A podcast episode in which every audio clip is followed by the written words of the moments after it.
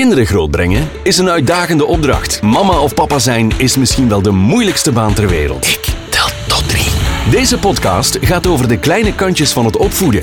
Wij brengen echte verhalen met een knipoog, een traan en een lach. Want wat is het een voorrecht om dat kleine mensje te zien opgroeien met het hart op de juiste plaats. Welkom bij Ik Tel Tot Drie. Welkom bij deze aflevering van Ik Tel Tot Drie. Heel fijn dat je luistert. Straffen. En voor veel ouders lijkt het gewoon bij de opvoeding van een kind te horen. Dat is ook niet zo verwonderlijk. In de eigen kindertijd herinneren we ons wel vaker momenten waarop de meester of juf of onze ouders ons met een straf probeerden tot ander gedrag aan te sporen. Ik ben Steven Gillis en vandaag neem ik de hosting van deze podcastaflevering op mij. Dank aan onze sponsor ook hippeschoentjes.be. In deze aflevering praat ik met Klaar Hammenekker, kinderpsycholoog met jaren ervaring en oprichter van Mamagement. Een project dat ouders bijstaat met tools voor krachtig en bewust opvoeden. Dag Klaar, welkom bij Ik Tel Tot 3. Om meteen met de deur in huis te vallen, Klaar, klopt het dat er in de opvoeding vaak veel aandacht gaat naar gedragscontrole? Dag Steven, uh, inderdaad, ouders oefenen heel graag controle uit over hun kinderen.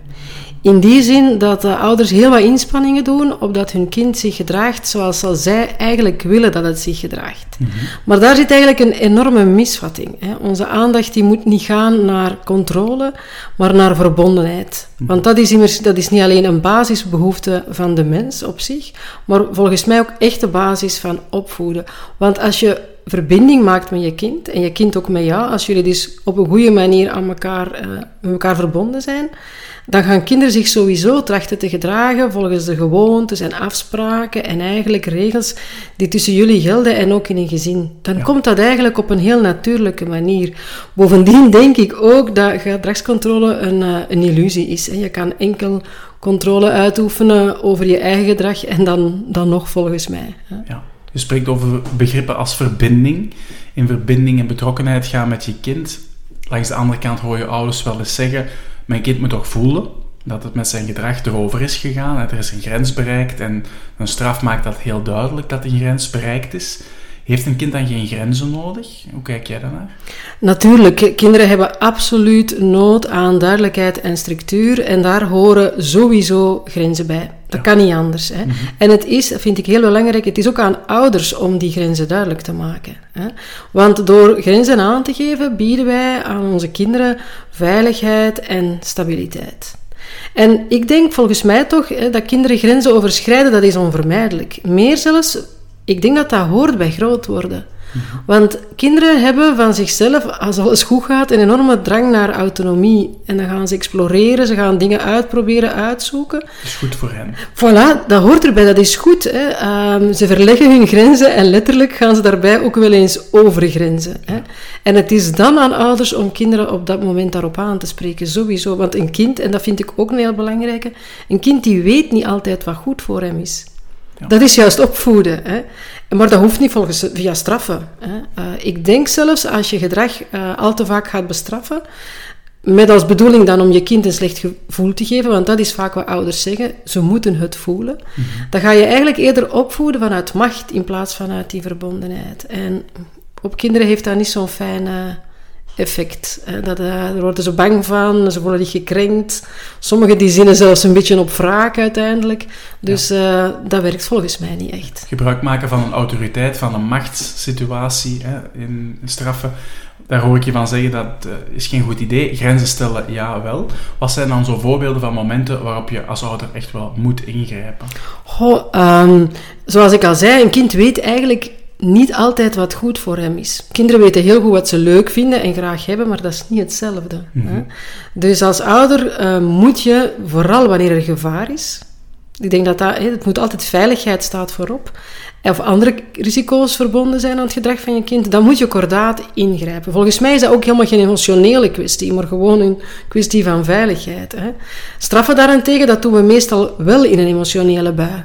Want we voelen ons geraakt of persoonlijk aangesproken door het gedrag van een kind. Dus voor mij is dat een heel groot verschil. Je handelt vrij rationeel als je ziet dat je kind gevaar loopt of dingen doet die hem kunnen gaan schaden. Dan moet je die grenzen trekken of toch heel erg kordaat gaan ingrijpen.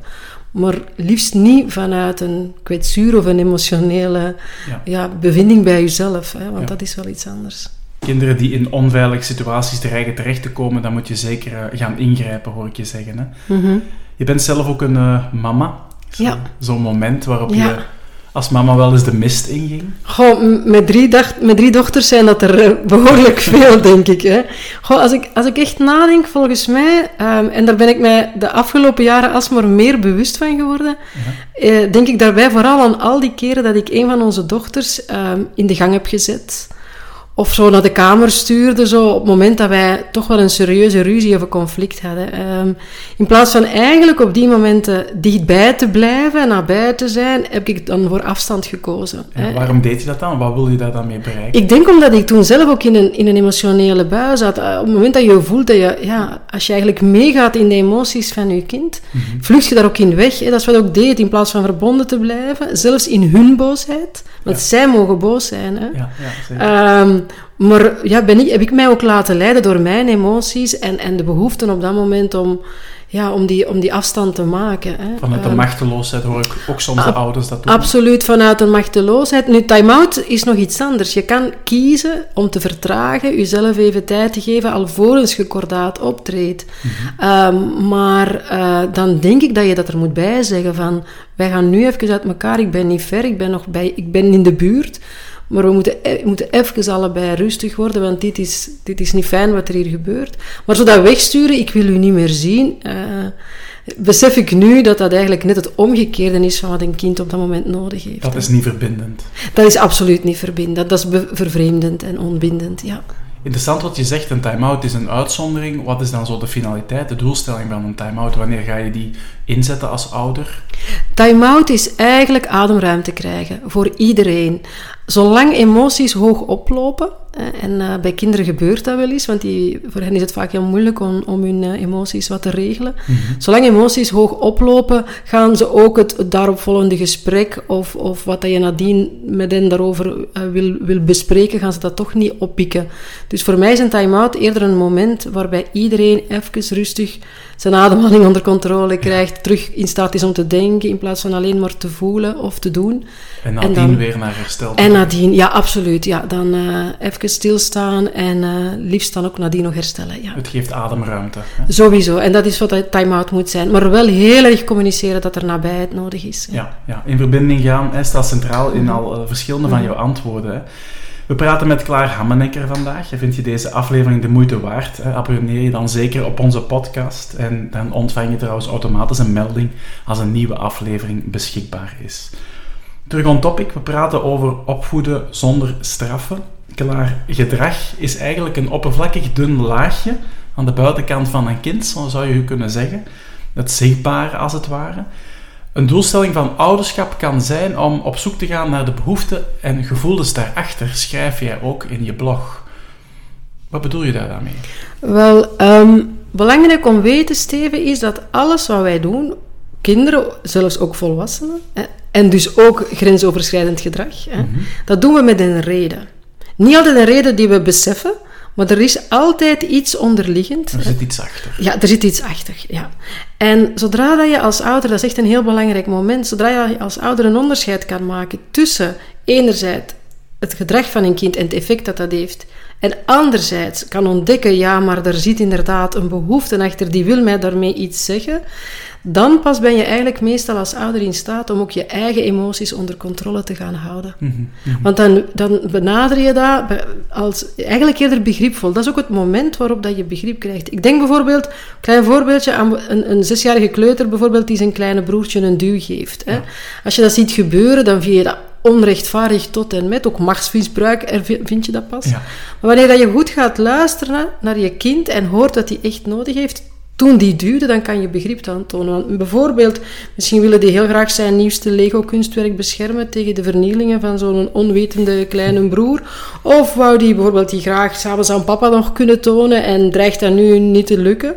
Ehm, als je daarachter komt door te luisteren, dat is hier een hele belangrijke, dan kan je er erkenning voor geven, maar ga je het gedrag nog altijd afkeuren. Hè? Want je kind een, zus, een broer of een zus een duw geven, is hier geen oplossing. Hè? Ehm, dus dan kan je ook gaan zeggen, ja, maar duwen, dat doen we eigenlijk niet. We gaan dat hier goed maken. En, en dat vind ik heel belangrijk, we gaan afspreken wat je dan de volgende keer kan doen. Als je broer daar opnieuw staat en dreigt iets stuk te maken. Dus het kan dan ook als het ware voor een stuk gaan over een vaardigheid voilà, die het kind nog voilà, niet ja. heeft geleerd. Hè. ehm, Ja, of je, ja, of je belandt de volgende keer opnieuw in die situatie natuurlijk. Want dat is vaak waar zo wat ouders vertellen van ja, ze zeggen dan sorry en ze doen het gelijk opnieuw. ja. Ja, als die sorry niet gecombineerd wordt met en wat doe ik als ik de volgende keer in een situatie terechtkom, dat geldt eigenlijk ook voor ons als volwassenen, dan herhalen wij uiteraard ons meest dominante gedrag gewoon opnieuw. Hè? Ja, ja. Dus Eh. hoe kan ik beter met situaties leren omgaan? Hoe kan ik als kind ehm, een probleem aanpakken door te trainen in een vaardigheid, hoor ik je dan zeggen. Ja. Kun je daar ehm, nog eens wat meer over vertellen? Of bijvoorbeeld een concreet voorbeeld? Ja, ik denk bijvoorbeeld aan al die weigeraars, hè? al die kinderen die eh, hakken in het zand en nee Oh ja. zeggen. Hè? Die, dat kent, herkent iedereen wel. Hè? En heel vaak, wij willen ook als ouders allemaal heel graag mondige kinderen, assertieve kinderen. Mhm. Eh, wij willen heel graag dat kinderen hun mening kunnen vertolken. We stralen dat ook uit, we geven dat mee, tot ze doen natuurlijk. Hè? Ja. Tot ze nee zeggen. Dan is het te veel. Dan is het te veel. Dus, maar ik denk dat dat ook een heel belangrijk moment is om enerzijds, zoals ik al zei, mee te gaan, te gaan beluisteren. Ja, maar wat maakt dat jij hier nu nee zegt? Dan kan je begrip tonen eh, voor hun argumenten en kan je hen vervolgens leren, als je mij nu voortaan probeert uw argumenten mee te geven, dan hoeven we hier geen conflict over te krijgen. Ja. Dat wil nog niet zeggen dat ik het eens ben en dat ik ga inderdaad toestaan dat jij deze keer geen groente eet. Ehm, maar dan hebben we tenminste een andere situatie aan tafel dan eentje waarbij er een eh, weigeraar eh, ehm, de hakken in het zand zet en heel de boel op stilte zet. Wat heel onaangenaam is. Ja, inderdaad. Wat het niet is, is kinderen, dat begrijp ik toch juist, maar zelf laten uitzoeken. Eh, ze moeten het dan zelf maar oplossen de volgende keer. Ehm, wat is dan het verschil van wat jij je vertelt en waar jij heel hard in gelooft eh, met zo'n laissez-faire en laat maar waaien opvoedingsstijl? Goh, voor mij zit, zit net het grote verschil in de verbondenheid. Hè. Zoals ik daarnet al zei, verbinding als eigenlijk, dat is echt de basis, zit daaronder. Hè. En een opvoeding vertrekt vanuit die verbondenheid, hè, door als ouder nabij en aanwezig te zijn, betrokken te zijn. En samen met het kind altijd te gaan uitzoeken, wat gebeurt er met jou? Hoe kunnen we daar taal en woorden voor vinden? En hoe kunnen we dat in het vervolg aanpakken? Voor mij is dat iets helemaal anders dan een laissez-faire, waar eigenlijk eerder weinig verbinding en betrokkenheid is. Ja. Kinderen worden in die opvoedingsstijl niet zozeer aangesproken op hun gedrag. Ze worden inderdaad verondersteld om vaardigheden te ontwikkelen, maar die moeten ze ook dan weer zelf ontdekken en uitzoeken. Hè. En dat is voor mij toch een, een, een groot verschil. Het, de, de basis van verbinding, die bij de laissez-faire eigenlijk helemaal niet centraal staat. Ja. Integendeel. Dus in verbinding gaan met kinderen is echt wel hard werken. Dat is heel hard werken. Dat, is heel, heel, heel, dat vraagt veel tijd en energie, maar dat rendeert ongelooflijk op termijn. Ja. Sommige ouders zeggen als we een kind gaan straffen, ehm, en dat is dan vanuit een autoriteit of een macht, dan heeft dat wel meteen een effect. En op de korte termijn is dat iets wel eh, wat vaak werkt. Hè. Je doet nu wat ik zeg. Je hebt er net al even aangehaald waarom dat het geen goed idee is op, eh, op de lange termijn. Hoe kun je in het algemeen in de opvoeding meer focussen op die lange termijn, dat lange termijn denken? Ja, door, door los te laten dat je kinderen vooral gehoorzaam moeten zijn. hè. Ik denk dat zodra, zolang je die visie hanteert, Ja. dat je op korte termijn aan het werken bent. hè. Want gehoorzamen, dat is iets wat dat hier en nu... Hè. En dat geeft vaak ouders de indruk dat ze goed aan het opvoeden zijn. Hè. Kinderen die goed luisteren en braaf zijn en knikken. Uh, maar we zien toch wel vaak op lange termijn dat deze kinderen eerder klachten van onzekerheid, faalangst en minderwaardigheidsgevoelens soms ontwikkelen. Net omdat ze eerder vanuit angst altijd gehoorzaamd hebben, in plaats van eigenlijk in hun eigen kracht te kunnen gaan staan. Op lange termijn is eigenlijk voor mij een opvoeding die vertrekt vanuit gelijkwaardigheid. Waarbij je niet in die machtspositie gaat, stapt en gehoorzaamheid afdwingt, maar echt zegt van wij hebben hier allemaal uh, iets te vertellen en ik wil weten wat jij mij te vertellen hebt. Hè. Uh, dus dat betekent dat je naast je kind gaat staan in plaats van er tegenover. En dat je gedrag en emoties soms ook gewoon laat zijn, omdat je dat beschouwt als een heel belangrijke boodschap waar je ook als ouder iets heel, heel veel kan over leren over je kind. Uh, en dat gaan we, als we streven naar gehoorzaamheid, dan, ja, dan wordt dat eigenlijk niet getolereerd. Dan mogen er niet veel emoties zijn, ook niet veel discussies. Um, ook weinig alternatieven worden dan ja, bedacht. Je moet luisteren, dat is het enige wat dan Voilà. Dus je hebt een veel breder spectrum als je vanuit die gelijkwaardigheid vertrekt. Niet gelijkheid, dat is iets anders. Een kind is niet gelijk aan. Ah, nee, absoluut niet. Hè. We zijn gelijkwaardig, maar we hebben een verschillende rol. De mhm. ene, jij bent de ouder en je kind is het kind. En dat is, dat is heilig natuurlijk, hè. dat is heel belangrijk. Hè. Ik hoor je zeggen, laat gehoorzaamheid los. Ga voor die gelijkwaardigheid. En dan zullen kinderen meer aan zelfregulatie gaan doen als ze opgroeien. Klopt? En dan leren ze heel veel vaardigheden. We krijgen een hele brede waaier. Ze leren gedragsalternatieven, ze leren dat voelen mag, ze leren ook begrijpen. Ik vind het ook een heel belangrijk. Ze leren begrijpen waar hun gevoelens vandaan komen. Wij vragen vaak aan kinderen, waarom doe je dat? Maar die kunnen niet antwoorden, want die weten dat niet. het, is aan ons, het is aan ons om hen te leren waarom ze doen wat ze doen. En dat kan je alleen door verbonden te zijn, nabij te zijn. Kinderen leren naar de binnenkant kijken. Ja, voilà. Want ze weten het zelf niet. Nee. Heel interessant, klaar. Vraag je tussendoor nog, uh, als mama, hè, is er een bepaalde quote, hè, uh, quotes zijn in op het internet, waar je als mama volledig achter staat?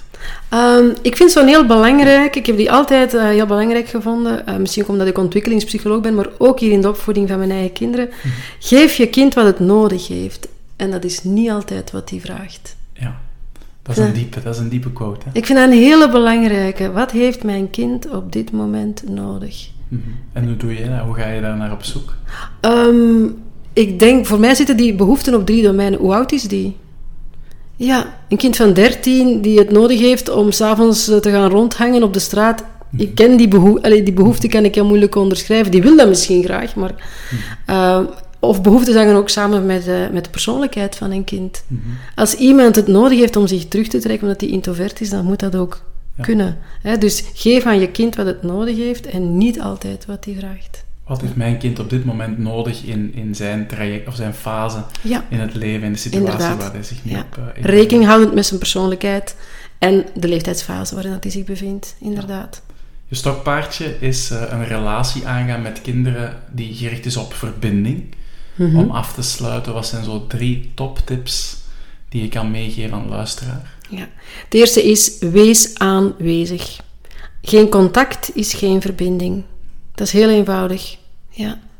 Present zijn. Aanwezig zijn. Ja, tijd maken voor elkaar. Samen eten. Goh, dat is het enige moment eigenlijk op een hele dag. Als je dat al niet meer samen doet, dan is er nog weinig ruimte voor contact. Ook korte momentjes van quality time kunnen heel oh, absoluut. Ja, ja, heel kort. Even erbij liggen voor ze slapen. Even in de zeten. Even aan tafel na schooltijd, vooraleer dat aan de rush van de avond begint. Heel kort, hoeft niet, niet, vaak niet veel te zijn. Je merkt ook dat je kinderen in hun autonomie gelanceerd worden als je ze eerst even kort bij u neemt. Gewoon even in de auto al op weg naar huis kan voldoende zijn. Unieke onverdeelde aandacht. Ja, absoluut. Bij allemaal de interesse. Wat is er vandaag gebeurd? Echt gebeurd? bijvoorbeeld, ja. Dat meer gaat dan hoe was het vandaag op school. Absoluut, ja. Oké, er zijn. Eerste tip, ja. twee. Um, eentje die ik net eigenlijk al, al uh, benoemde is, uh, leg aan je kind uit waarom die voelt wat die voelt en doet wat die doet. Mm -hmm. In plaats van waarom te vragen. Ja. Stel niet altijd de waarom vragen, maar ga op zoek naar met hen, met hen, met hen. Wat gebeurt er met jou? Ja, wat gebeurt er met jou? Wat is er aan de hand? Wat is er volgens jou gebeurd? Heb je dat nog alles meegemaakt? Heb je dat nog alles meegemaakt? Werkte dat? Ja, inderdaad. Wat maakte jou zo kwaad? Een zoektocht. Ja. Als ik vraag heel vaak aan kinderen, ehm, als u tranen konden spreken, wat zou die dan vertellen? En dan krijg je ook heel vaak heel mooie, mooie dingen. Hè? Dat ze dit oneerlijk vinden. Hè? Dat ze het weer al gedaan hebben. Hè? En, en, en, dat is heel confronterend soms, maar dan, dan hoor je wel heel veel. Bij een verhaal dat een kind vertelt, zit heel vaak een oppervlakkig schilletje. Hè? Ja, zeker en vast. Dat zijn de feiten. Ja. Maar de feiten zijn niet zo belangrijk. Nee. Hè? Maar wat erachter zit ja. wel. Ja. Maar dat waarom weten ze vaak niet, want dat is een hele moeilijke om te ontdekken waarom dat je doet wat dat je doet. Ja. Dus daar hebben ze ondersteuning in nodig. En dat kan je als ouder bieden. En daar zijn wij een ongelooflijk straffe tolk ook in, denk ik, als ouder. Hoe beter je je kind kent, hoe makkelijker dat jij woorden en taal kan geven, zodat zij begrijpen wat, wat er met hen gebeurt. Hè. Want onderschat niet in een conflict hoe fel een kind overspoeld kan zijn. Hè. Hoe mhm. heftig dat dat nog veel meer voor hen is dan voor ons. Het komt binnen. Het komt heel hard binnen, ja. Mooie twee tips Ja. alvast. Ik ben benieuwd naar de laatste. Ja, eigenlijk brengt dat ons een beetje naadloos bij de derde. Ik, eh, ik vind het belangrijk, hè, ik heb als derde tip, hou vooral je eigen emoties onder controle als ouder. Ja. Je voelt wat je voelt, luister daar even naar, maar probeer dan je emoties onder controle te houden. Het helpt niet om zelf ook te beginnen schreeuwen als een brullende kleuter tegen jouw kleuter. Wat kan er op de wereld gebeurd zijn dat zo erg is dat jij er ook op die manier moet staan brullen? Ja. ja. Ja. Ja. Dus hou je eigen, probeer, tracht je eigen emoties onder controle. Eventueel na een korte time-out, waarbij dat je tien keer in en uitademt, even heen en weer loopt. Of eh, het telt tot drie in jezelf. hè. of je telt tot drie. Ja, absoluut. Een ouderlijke time-out. Ja. Dat is een goed idee. Absoluut, zeker en vast. En pas vertragen heet dat ook wel eens. Hè? Eh, door een aantal keer te ademen. Doordat je gaat vertragen, ga je ook veel beter de dingen kunnen aanpakken. De impulsiviteit. Ja, de impulsiviteit die, die werkt niet. Hè. Bij je kinderen zie je die, maar als die, ook als ouders, als we die gaan spiegelen, Ja. dan zijn we vaak lost. Hè. Ja. ja. Ehm, en je boodschappen gaan ook beter zijn. dan. absoluut, ja, Ja. sowieso. Klaar, dankjewel voor de duiding. Ehm, op welke website kunnen mensen meer info over jou vinden? Wel, eh, ik verwijs heel graag naar mijn project Management hè, op Facebook. Eh, ik heb daar een pagina en eh, ik blog er heel vaak. En dat is specifiek voor hardwerkende moeders die opvoedingsstress ervaren. En die vinden daar blogposts met tips en inzichten. Eh, en ik kondig daar ook infoavonden en andere events aan. Dus We zullen een linkje zetten in de comments van de podcast. dankjewel. En zo zijn we aan het einde van deze aflevering gekomen. Ik wil jou als luisteraar ook nog heel graag bedanken dat je helemaal hebt geluisterd tot aan het gaatje. Dank aan onze sponsor hippeschoentjes.be. En tot een volgende keer, tot ik tel tot drie. Dit was Ik Tel Tot 3, de podcast over echt ouderschap. Abonneer je voor nieuwe afleveringen, reageer of stuur ons een berichtje op ikteltot3.be. Vergeet niet, je staat er niet alleen voor, want it takes a village to raise a child.